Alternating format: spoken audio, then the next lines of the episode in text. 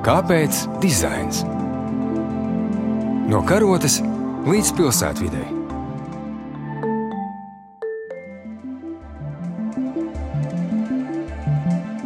Pasaules visaptvarošās pārmaiņās, kuras piedzīvojam, cilvēki meklē un atrod vietu un telpu, kurā patvērties.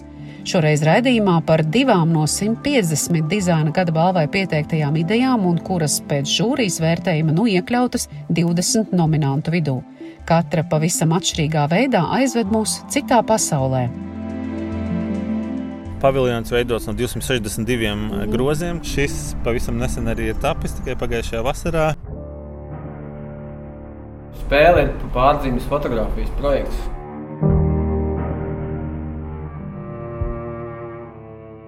Tādu savu darbu īso vizītkārti sniedz arhitekts un arhitektūrai tuvu starpdisciplināru jomu profesionāls Dīdzis Jaunzems un profesionāls fotogrāfs Olafs Ošs. Pinuma paviljons autori ir Digis Jaunzems un Ksenija Sapega, un tas veidots kā laikmetīga dizaina un tradicionālās amatniecības apvienojums, kas izvietots Ansī pilsētā Francijā. Arhitektūra, scenogrāfija, vides objekti, pilsētplānošana un atkal arhitektūra – Tā savu darbību apraksta Digis, kurš ir izveidojis savu uzņēmumu DJA, kurā ir pieci cilvēki. 2019. gadā viņš atzīts par gada jauno arhitektu, un viņa radošajā biogrāfijā jau ir daudzi veistījumos precīzi darbi. Tāds ir arī Pinumu paviljons, kas tapa pagājušajā vasarā, īsajā brīdī, kad varēja aizceļot. Un tad viss nepieciešamais uz Franciju tika vests ar automašīnām un uzstādīts ātrāk nekā plānots - trīs dienās. Kā tapa šis darbs? Šis darbs tapā pagājušajā gada vasarā, ļoti īsā laika posmā, Ainavu arhitektūras festivālam, kurš arī tāpat kā visi citi šobrīd pasākumi, dažādi mainījās šis uzstādījums. Festivālam mm. Francijā, mm. Ansī pilsētā, kas ir Francijas Alpos. Un mūs uzaicināja pēc jau cita projekta realizācijas šī paša festivāla ietvaros. Viss tās aizsākās jau 2018. gadā jo tas bija laiks, kad Latvijā, lai veicinātu turismu, piecas dažādas Latvijas pilsētas veidoja konkursu vidas objektiem. Mēs piedalījāmies šajā konkursā un realizējām trīs objektus. Viens no tiem bija uguns objekts eh, Kārsavā, kas vēl joprojām stāv un ir apskatāms tepat Latvijā. Dabas parkā Numernes eh, valnis. Uguns paviljons tika, lai gan pavisam vienkārša konstrukcija, bet atprātīgi risināta tika ļoti plaši publicēts gan tepat Latvijā, gan ārpus Latvijas, dažādos starptautiskos žurnālos un um, medijos. Un to pamanīja Francijas Ainava arhitektūras festivāls un teica, ka viņi vēlētos kopiju šim portālam. Gadu vēlāk, kad mūs atkal uzaicināja uz festivālu radīt jau kaut ko šoreiz īpašu viņiem veidotu, tad mums likās, ka vēlētos veidot kaut kādu vietu, kas ir kā tāds patvērums no šīs karstās saules, mm -hmm. kur cilvēki var atnākt, tajā pašā laikā būt pie dabas, vietu, no kuras pavērās skati, kad jūs pasargās no, no saules un esi savā veidā, teiksim, tādā arī psiholoģiskā patvērumā. No tradicionālās latviešu amatniecības būtu interesanti šajā festivālā. Mēs uzgājām Pēteri Tutānu no pinumu pasaules, kas nodarbojas jau ar klūgu pinumiem jau daudzus, daudzus gadus. Un tas kaut kā saintriģēja, ka kaut kas, kas ir tāds sens un jau tāds varbūt tradicionāls, kaut kādā mērā varbūt teiksim, tādiem laikmetīgiem cilvēkiem ar kaut kādu varbūt pat nezinu, tādu arhaisku pieskaņu, kaut kas, kas ir tāds senils, teiksim, nevis sens, bet senils.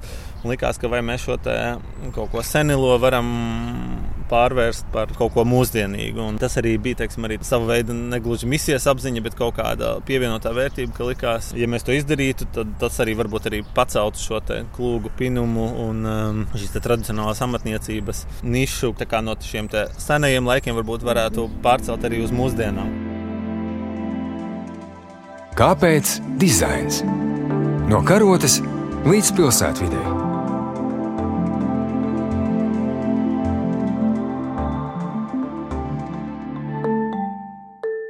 Es klausītājiem varētu pateikt, ka tajā foto, kur varēs redzēt mājaslapā, saturā, šis pinuma paviljons būs redzams. Vismaz man tas pirmais priekšstats bija tāds, ka es to ieraudzīju. Es pinuma rakstu īsti nepamanīju. Paviljons veidots no 262 mm. groziem. Kad mēs pazīstam šo vienu grozu, mēs viņu uztveram kā grozu, bet tajā brīdī, kad viņi jau ir izvietoti viens otram blakus, tas jau veido tādu masu, ko mēs varbūt tā tradicionāli neesam pirmkārt paraduši redzēt. Un viņam arī parādās kaut kāda pilnīgi sava jauna funkcija. Un šie groziņi veido noēnojumu mm -hmm. cilvēkiem, kas zem viņiem var paiet apakšā. Un, un tas, teiksim, veido kaut kādu tādu tādu šūnu, šūnu rakstu, kaut kāds tāds modulārais, mm -hmm. uh, daudz grozo savienojums. Tas ir tas, varbūt, kas viņu to tradicionālo materiālu, to tradicionālo formu pārvērš kaut kādā pilnīgi citā veidolā, ko varbūt tā ir sākotnēji prasa kaut kādu laiku, lai asociētu, kas tas īsti ir. Tas ir uh, dizains, tas ir mūsu izdomāts, kas tas ir. Jo patiesībā pinēji viņi specializējas uz kaut kādām konkrētām lietām. Ja ir viens pinējs, kas pina grozus, vai ir pinējs, kas pina krēslus, un šī mūsu apmēram iedomātā sākotnējā forma, kas ir tāda savu veidu konusi, mums tā skatoties, viņa liekas kaut kas pavisam tāds vienkāršs. Patiesībā pinējiem tas bija izaicinājums, jo tā nav tā forma, ar ko viņi ir strādājuši iepriekš. Un faktiski pirmo grozu uzpinām mēs paši, lai parādītu, ko mēs īsti vēlamies. Jūs prātāt paši? Es teiktu, tā, ka šī komanda sastāvēja no mums, arhitektiem, no šīs tradicionālās amatniecības, un pa vidu tam ir arī mūsu būvnieki, kas mums dažādas paviljonus būvējuši, kas ir Riksi, Arnis Vatašs ar, ar komandu. Un viņš bija tas, kurš pirmais kā, kā paraugu mhm. uztaisīja un mhm. uztaisīja šo formu, tādu mokapu, pēc kā būtu jābūt pārējai grozi. Tātad mēneša laikā viņš cik nopina šos uh, moduļus? Viņš kopā ar palīgiem 262 grozus. Sākotnēji, teiksim, uz vienu grozu gāja ilgāk posms, bet tad jau, ka piešaujas, tas aiziet ātrāk. Un kopā šie 260 grozi veido cik lielu šo ažūrīgo paviljonu. Jā. Un tie ir apmēram 8x8 mm -hmm. metri. Mm -hmm. Un šie visi grozi, lai viņi turētos kopā, viens ir šī ārējā apdara, kas ir um, groze, un otrs ir arī kaut kas, kas mums bija um, tāds, ko mēs iepriekš nebijām paši strādājuši. Ir šī režģotā čaulas uh, struktūra. Uh, mūsu būvnieki teica, ka ir kaut kādi četri mēģinājumi bijuši, neviens nebija līdz galam tādu izveidojis. Bet pasaulē tādas struktūras tiek veidotas, gan arī ļoti lieli pārsegumi. Un, un, un šī režģotā struktūra darbojas tā kā tāda čaulas principa. Viņi tiek uzbūvēti uz zemes, un tad viņi tiek pakāpeniski laistīti ar ūdeni, lai viņi kļūtu fleksiblāki. Tā ir koka struktūra kuru pēc tam paceļot noteikti augstumā, iespīlē stūrus, un tad viņi tāpatās kā, piemēram, papīra lapiņu, ja mēs paņemtu aiz stūriem, tā kā tuvotu stūrus, tad viņi iegūst šo formu.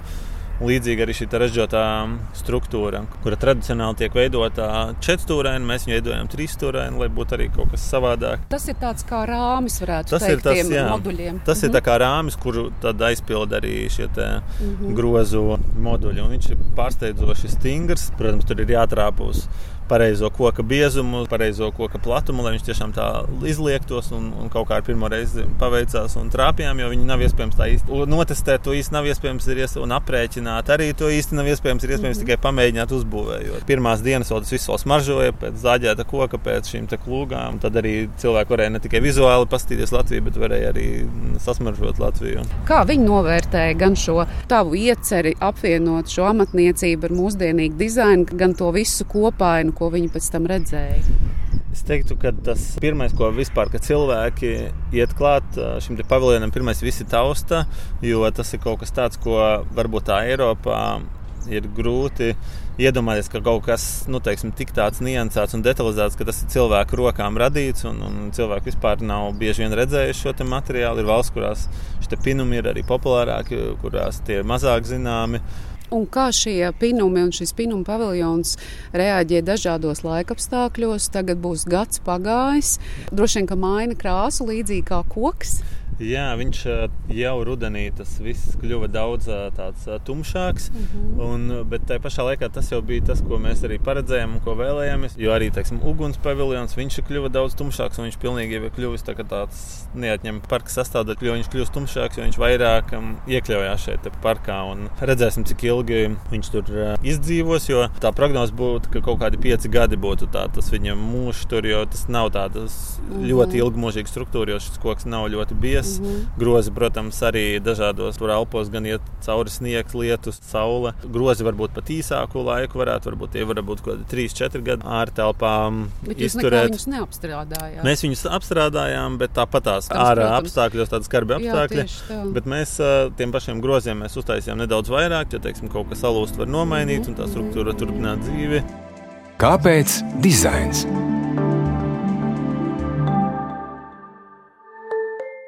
Ja dīdža darbu platforma ir skatuve, dabas ainava vai pilsētas teritorija, tad Olafa Oša nerealizēts fotografijas projekts pārdzimis datorspēlē Grund, kur veidota iedvesmojoties no Franca Kafkas stāstiem un Davida Linča kinematogrāfijā uzburtajām sajūtām. Tā ir piedzīvojumi jeb adventure point and click spēle, kurā visi vizuālie materiāli, kods un mūzika ir veidoti tieši šai spēlei. Tā stāsta par negaidītu ceļojumu uz šķietami identisku pasauli. Īsi Olafs to dēvē arī par mistēriju, bet noskaņu mūsu sarunas laikā papildina arī Olafa mazā dēliņa klātbūtne, kuram spēļu prieku rada viss apkārt esošais reālā pasaulē. Spēle ir pārdzīves fotografijas projekts, kuru es nespēju realizēt vienkārši dēļ tāmas, bet man tā pasaule jau bija iekšā un es meklēju ceļus, kā to izdarīt. Vispār es tik divus pusgadus tikai spēļu. Kā viens teica, ka es jau esmu spēļu industrijā. Nu, labi, skan, mm -hmm. protams, paši. Tā kā no visa mācījos no nulles. Mums ir komponists Anglijā, mākslu taisa uh, serbu džeks. Man ir stāsts, kods, uzbūve, viss, kas saistās un nesaistās vispār. Mums vēl, protams, ir vēl viens palīgs, kas nevar kaut ko kodu veidā izdarīt viņš man palīdz. Mm -hmm. jo tieši, kad ir problēmas ar kodu, kur vajag liela vai ne, un Džeks ir Amerikā, nu, tu negribi vienu lietu risināt četras dienas. Kas ir tas galvenais? Kādā veidā tā top, ja tu to piedāvā dizaina gada balvai, un kas ir tas, ko mēs kā spēles lietotāji vispār varam aptvert, un kas mums vispār ir jāaptver par to?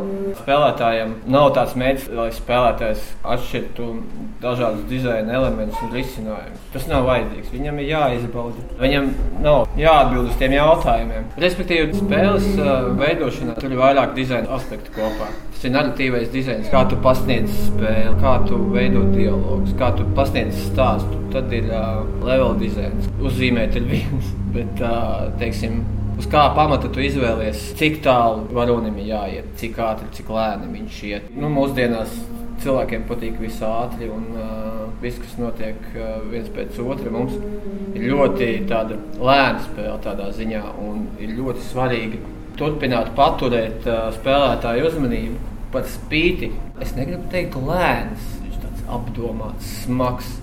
Tāpēc ļoti svarīgi. Vēl viens ir, protams, uzreiz uh, skaņas dizains. Tas ir dažādu dizaina elementu kopums.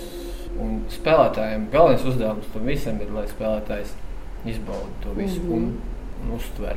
Un kādas ir pirmās spēlētāja atsauksmes? Cik sen tā spēle ir radīta? Teiksim, tā, divu gadu atpakaļ bija uztaisīts prototyps, kas bija tikai viens līmenis. Un tad mēs notestējām. Cilvēkiem ļoti patika. Uh, mm -hmm. Jā, tā ir demo. Šis ir demo, kurā ir septiņi līmeņi. Un tas viss sadūrās finansējumā. Tagad uh, demo ir tieši tas instruments, ar kuru mēs uh, mēģinām meklēt un atrast. Mm -hmm. Nu, varbūt tad paskatīsimies, kur tu mūs ved.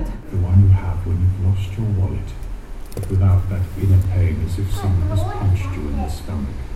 To fall asleep on the train is one thing.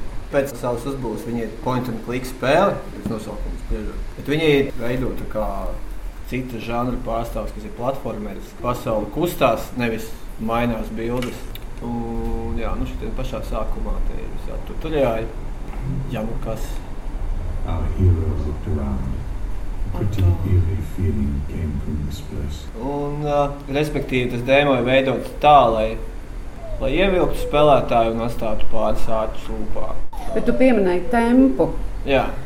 Bet ar kādu laiku būtu jārēķinās, lai Šis kaut laika. kur tiktu spēlē? Demo ir 40 uh, minūtes garš. Mm -hmm. Kopumā spēle tiek mētēta uz 4 stundām, un tas ir īsi. Darba pieteikumā ir norādīts, ka darbs ir vai nu stilistikā, vai ietekmējies no Kafkas literatūras un Davida Linča kinematogrāfijas.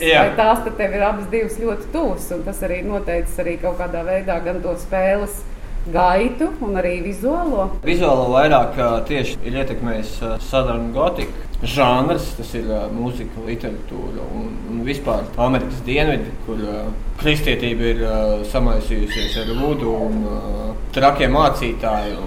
Bet, nu, protams, man nevis trakie mācītāji vairāk iedvesmojuši, bet tie cilvēki parastie. Un tas ļoti labi savijās ar Kafkas prasmi. Nu, vismaz man tā šķiet, ka viņš to lieliski dara. Viņš uh, blakus varoņus, viņš ļoti labi aizpilda. Viņš parāda, ka viņiem ir savs domu process, ka viņi nav vienkārši, lai pateiktu galvenajam varonim, jā vai nē. Tāpēc man šķiet, ka tas vispār spēlēs ļoti svarīgi un cilvēki to jūt beigās ar pakausi. Kad uh, aiz katra personāža ir kaut kāds stāsts.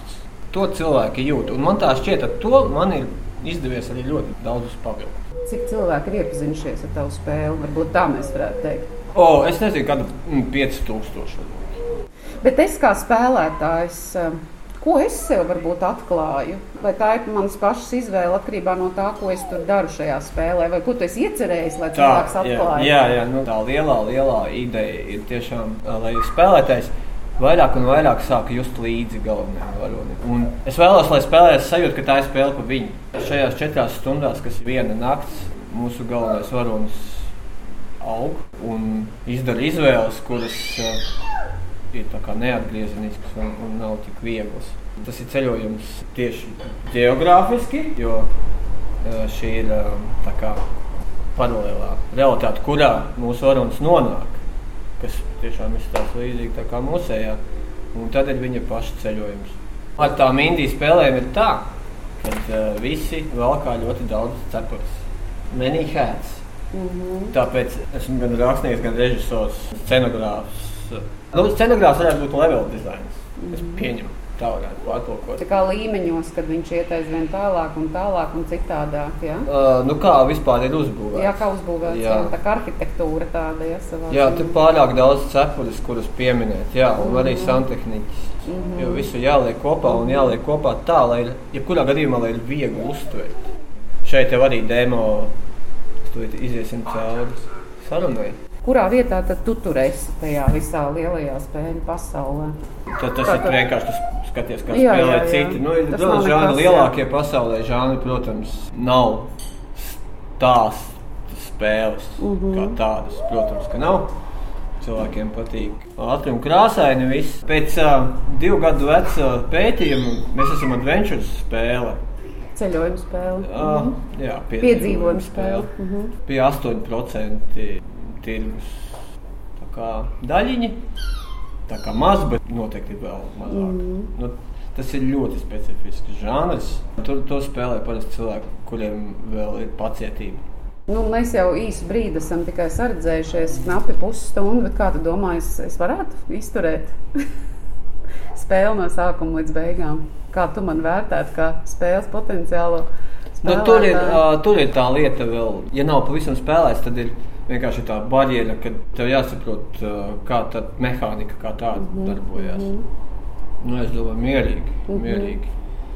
Tāpēc, ka tādā ziņā adventure spēle viņa ļauj tev padomāt, viņa ļauj tev iepauzēt, un mehānika ir, ir salīdzinoši vienkārša. Kaut arī tas arī ir ļoti svarīgs dizaina aspekts, jā, mm -hmm, mm -hmm. Lai, lai tiešām viņi justos, lai cilvēks nemocītos. Nu, kur tu redzi sevi tālāk šajā jomā? Vai šis būs tas, pie kā tu turpināsi strādāt? Divus gadus esmu izcīnījis šo demo, ir gatavs. Nu, es domāju, ka jāturpina. Mm -hmm. Un es zinu, ka cilvēki arī grib. Kāda ir sajūta būt starp nominantiem? Mm -hmm. Ļoti labi. Vienmēr ir patīkami dzirdēt, ka uh, tas, ko tu dari, kādam tomēr patīk. Un tu arī stāstīt, ko tu gribi, ka tas ir tikai sev. Un, protams, ka gribās atbalstīt jebkādu. Tā kā šis arī ir atbalsts.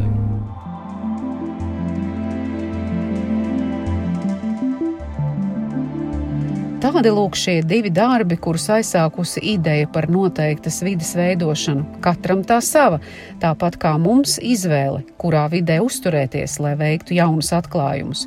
Šie bija divi no 20 dizaina gada balvas nominantiem. Balvas pasniegšana notiks 28. maijā, un tad arī uzzināsim ne tikai uzvarētājus piecās kategorijās, bet arī citas no pieteiktajām idejām. Raidījums noslēdzies. Paldies par atbalstu Kultūra Kapitāla fondam. Raidījuma skaņu montēja Judīte Bērziņa, jūs uzrunāja Ilza Dobele. Klausieties mūs arī zināmākajās podkāstu aplikācijās vai klasika mājaslapā. Uz tikšanos!